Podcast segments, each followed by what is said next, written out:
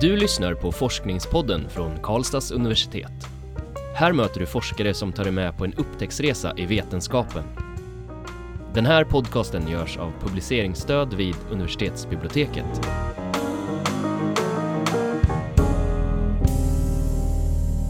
Hej och välkomna! Mitt namn är Magnus. Jag heter Nadja. I dagens avsnitt av Forskningspodden så ska vi prata om den oro, rädsla och stress som föräldrar till kroniskt sjuka barn kan uppleva. Om detta ska vi samtala med vår gäst Malin Anclair. Eh, vi är glada att du är här. Välkommen Malin! Tack så jättemycket! Du är doktor i psykologi.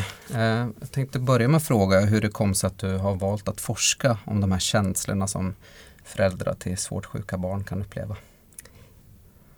Ja, det är en bra fråga. Jag började egentligen för ett ganska långt tag för ett ganska långt tag sedan när jag var doktorand på Karolinska till att börja med och då jobbade jag i ett stort forskningsteam som tittade på hur det gick för både föräldrar och barn där barnen hade haft hjärntumörer och föräldrarna var man ju också intresserad av att se hur de klarade sig efter att barnet hade tillfrisknat. Då, då. Och då såg man ju att det är ganska jobbigt att vara förälder till ett barn med kronisk sjukdom. Så där någonstans för långt bortåt 2005 någonstans så blev jag intresserad av det här området och sen har det följt med mig. Mm. Och är det just eh, hjärntumörer som, som du har tittat på i din avhandling eller är det, vad är det för typer av sjukdomar som ja, barnen har? Jag började då på Karolinska och då handlade det framförallt om föräldrar till barn med cancer och barnen då hade haft hjärntumörer i, i det stora hela. Men sen när jag flyttade till Karlstad och fortsatte min forskning så är det inte bara barn som har cancersjukdomar utan föräldrar till barn med alla möjliga typer av kroniska tillstånd. Som till exempel diabetes eller hjärt och kärlsjukdom och inte minst föräldrar till barn med neuropsykiatriska funktionsnedsättningar också. Mm. Och då ser man att även den gruppens föräldrar har ganska påtagliga stress och utmattningsbesvär. Mm.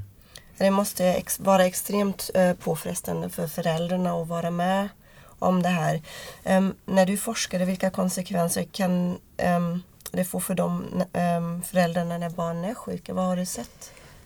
Ja, alltså så fort ett barn drabbas av en kronisk sjukdom så kan man ju säga att livet ställs ganska på sin spets för familjen och eh, saker och ting blir inte som man har tänkt sig. Väldigt mycket tid går åt att vara på sjukhus och ta hand om barnet helt enkelt. Och sen så kommer det ju med det också väldigt mycket oro och rädsla mm. för hur det ska gå för barnet. Kommer mm. barnet att klara sig? Och beroende lite grann på vad det är för diagnos som barnet har så blir det ju lite olika konsekvenser. Har barnet en typ en cancersjukdom, ja då kan det ju till och med vara rädsla för att barnet ska dö. Medan mm. som det handlar om eh, andra funktionsnedsättningar så är det ju mer hur ska barnet klara sig i det stora hela, klara sig med kompisar och kamrater och hur skolgången ska bli och, och sådana saker. Så att det, det, finns, det är ett väldigt vitt spektrum av mm. konsekvenser mm.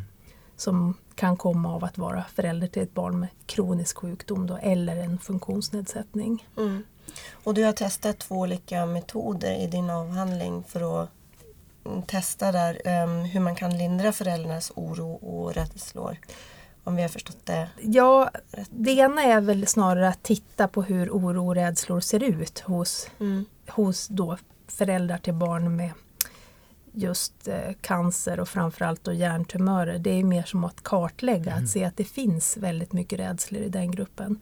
Och sen när perspektiven vidgades så har vi provat genomföra en KBT-behandling och en mindfulness-behandling till föräldrar till barn med kronisk sjukdom mer generellt. För att, Jag måste bara hoppa in lite ja. kort. Du säger KTB men det är kanske inte alla som vet. KBT. Eh, KBT. Kognitiv beteendeterapi betyder det. Mm. Eh, och då har vi provat att, att se om kognitiv beteendeterapi och KBT och mindfulness kan fungera för att reducera stress och utmattningsproblematik hos den här föräldrapopulationen eftersom de tenderar att drabbas av långvariga stressproblem. Mm. Och när man har stress under lång, lång, lång tid, att det ständigt dyker upp saker, då finns det ju en risk att man drabbas av någon man kallar för utmattningstillstånd. Mm. och som kan bli väldigt allvarliga då, över tid. Och därför så vill vi se, går det att hjälpa dem på något sätt med metoder som kan vara användbara i sjukvården. Mm. Och då, ja, så var det KBT och mindfulness som vi provade. Och hur blev resultaten? Ja, det blev bra resultat så tillvida att både KBT och mindfulness verkar fungera på så vis att deras stress och utmattningssymptom minskade. Eh, Men man ska ju vara försiktig och dra allt för långt gående slutsatser på det här för vi hade ingen riktigt oberoende kontrollgrupp. Eh, och Vilket gör att om man ska fortsätta forska på det här området så skulle man behöva göra den typen av studier som kallas för RCT, randomiserade kontrollerade studier för att säkerställa att det var just behandlingen KBT och mindfulness som hade Mm. effekt och att det inte var egentligen någonting annat som hade effekt. Men samtidigt då kan man säga att eftersom de också föräldrarna hade stått på väntelista först i sex månader och då såg vi att det hände inte någonting med deras rädsla och utmattning under den perioden så kan vi i alla fall säga att någonting hände när de blev erbjudna den här Mm. interventionen då. KBT och mindfulness. Men de verkade båda fungera ungefär lika bra. Okej. Mm. Kan du berätta lite kort vad de här metoderna eh, går ut på? Vad gör man för Ja? KBT det är ju, handlar ju väldigt mycket om att lära sig och förstå hur tankar och känslor och beteenden hänger ihop och påverkar varandra. Om jag tänker på ett sätt så får det påverkar det hur jag känner som i sin tur påverkar hur jag beter mig. Och då försöker man att eh, jobba med de här olika delarna var för sig.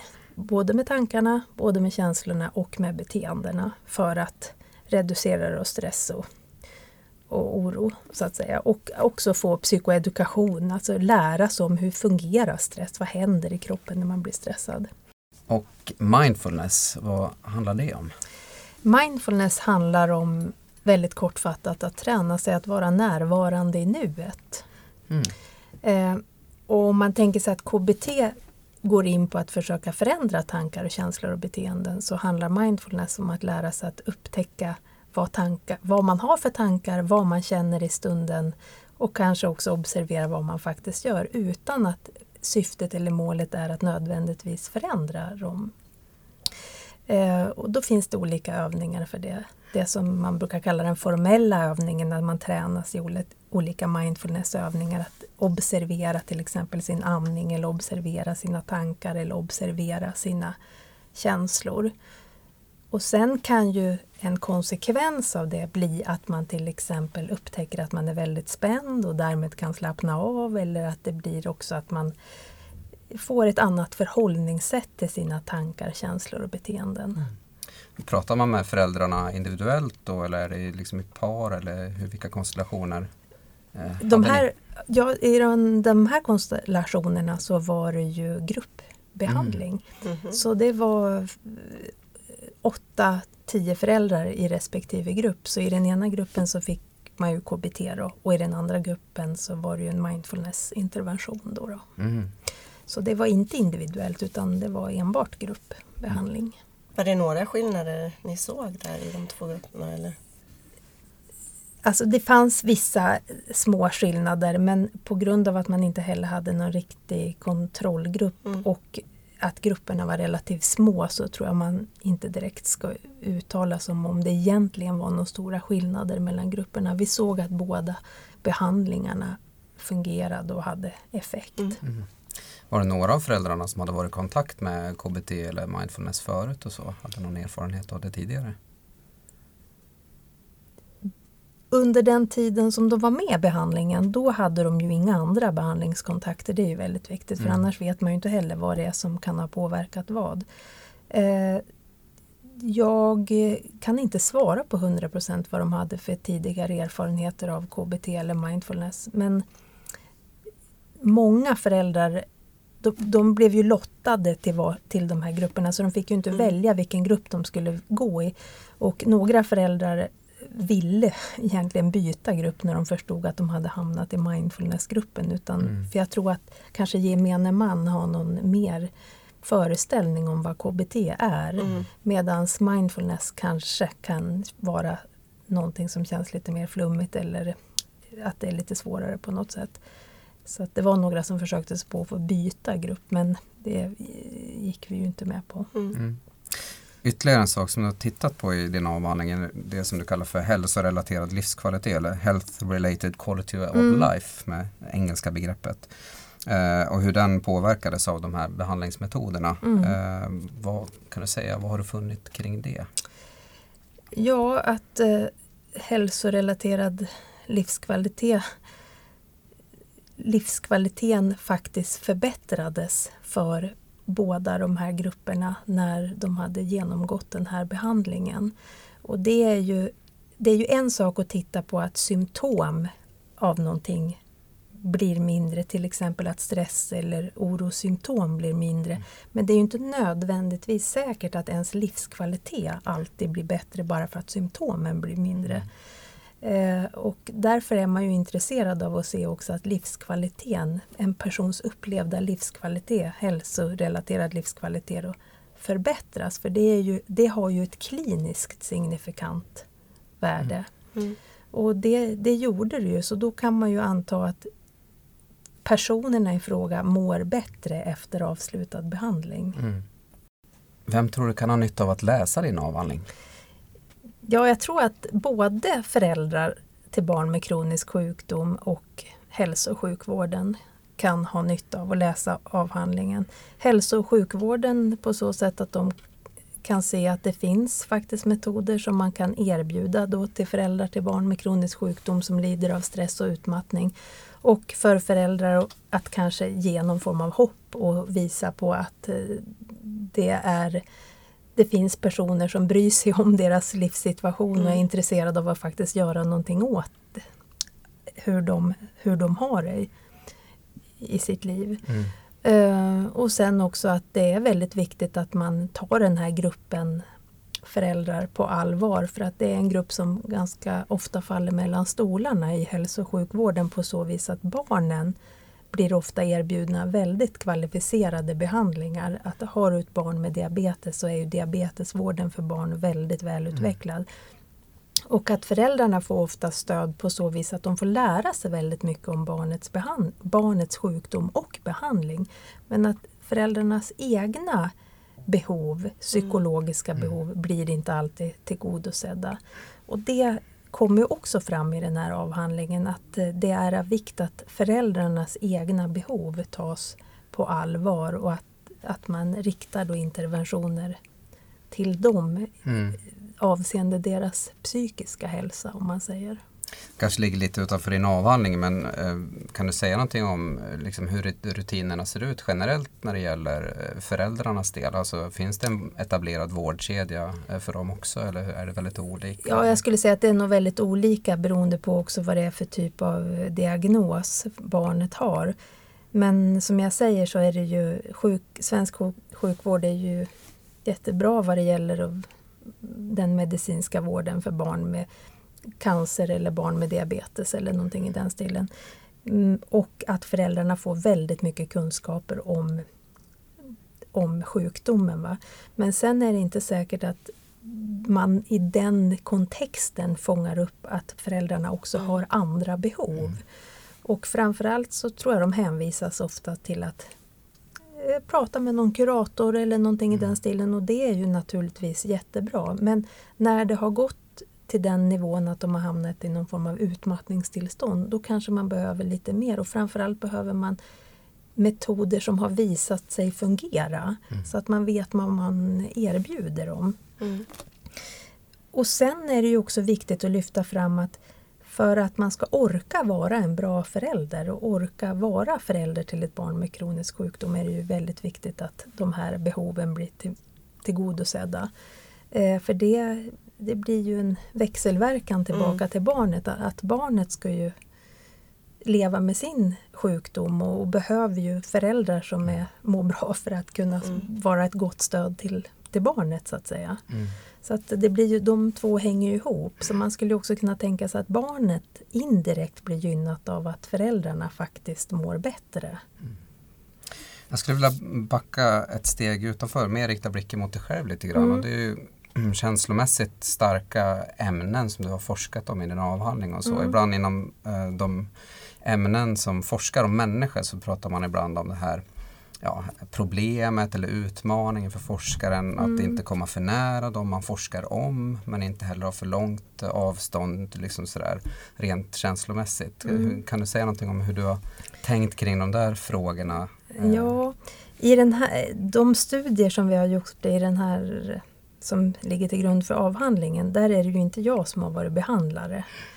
Eh, Och det tror jag är väldigt viktigt för annars är det ju, kan man ju också tänka sig att eh, om jag då är väldigt entusiastisk och jag brinner verkligen för den här gruppen så skulle ju det kunna påverka resultatet Mm. i hög grad. Men å andra sidan har jag jobbat mycket kliniskt med den här populationen, både på vårdcentral men också eh, som på en skola för barn med neuropsykiatriska funktionsnedsättningar där jag jobbade just med föräldrarna. Så att jag har också god klinisk kännedom om den här gruppen och det tror jag har varit väldigt viktigt för mig när jag också har skrivit avhandlingen att jag har den här kliniska grundkompetensen. Förståelsen för hur det faktiskt är. Det är inte bara en teoretisk, Mm. teoretiskt bygge. Eh, ja, var det svar på frågan eller? Absolut. Ja. Mm, då funderar vi på hur du ser på det som kommer nu. Du är färdig doktor. Mm. Och vad har du för planer för framtiden? Ja, det är en bra fråga. Jag har lite planer. Jag har absoluta planer på att fortsätta min forskningskarriär nu då, för det här är ju jättekul på många sätt och vis. Dock så tänker jag nog att jag ska också vidga mina perspektiv lite grann. Att, eh, det är ju också viktigt att man kanske har flera ingångar. Och det är inte riktigt klart än hur det ser ut så att jag tänker att eh, fortsätta med någon form av behandlingsforskning som det här är. Men också att kanske vidga det till att inkludera andra områden en aning också. Mm. Så att jag har en framtid, tänker jag, som forskare. Det låter jättespännande. Eh, vi avslutar med en sista fråga och Mm. det är, ehm, vi tror att det är många doktorander som lyssnar på podcasten också. Ja. Och som kanske, eller några som sitter och funderar på om de också ska börja doktorera. Eh, vilka råd har du till dem? Ja, bra fråga. För mig tog det ganska lång tid att bli klar av den enkla anledningen att jag har gjort väldigt mycket saker parallellt. Så ett tips det är nog att försöka koncentrera sig och fokusera på en sak i taget. Är man doktorand så är det ett gott tips att ägna sig åt sina doktorandstudier eh, och inte ha för många andra uppdrag som stör, för då, då tar det oftast tid. Det tror jag är mitt bästa tips. Ja men det är väl ett jättebra tips. Tack så mycket. Så varmt tack Malin Ja. att du kunde vara med oss idag. Och att du har gästat Forskningspodden och lycka till med det fortsatta arbetet. Det låter som det är väldigt mycket, kommer att vara väldigt mycket på gång. Och tack också till er som har lyssnat. Och ni är välkomna till nästa avsnitt. Du har lyssnat på Forskningspodden från Karlstads universitet. Den här podcasten görs av publiceringsstöd vid universitetsbiblioteket. Alla avsnitt hittar du på kau.se forskningspodden.